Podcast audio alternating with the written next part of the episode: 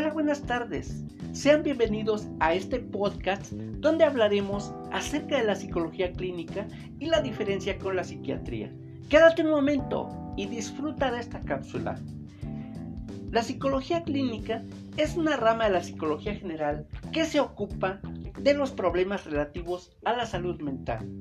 Estudia diversos factores que influyen en la conducta del individuo se encarga de la evaluación, diagnóstico, tratamiento y prevención de distintos trastornos. Estos trastornos mentales afectan la conducta adaptativa del sujeto, el cual puede presentar desde un malestar subjetivo hasta un sufrimiento incontrolable. La psicología clínica utiliza una serie de métodos y técnicas para su rehabilitación con el objeto de lograr una mejor adaptación a su ambiente natural y conductual.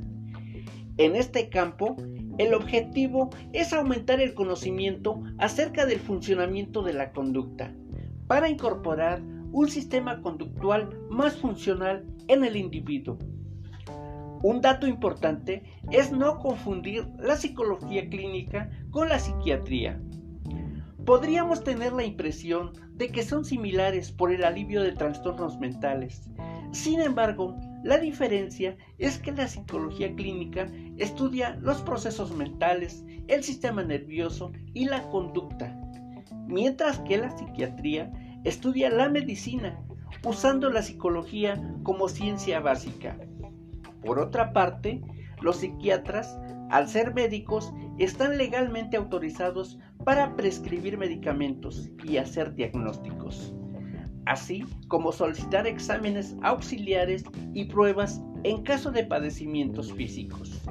Y de esta manera proporcionar un diagnóstico más acertado sobre el origen del sufrimiento del paciente.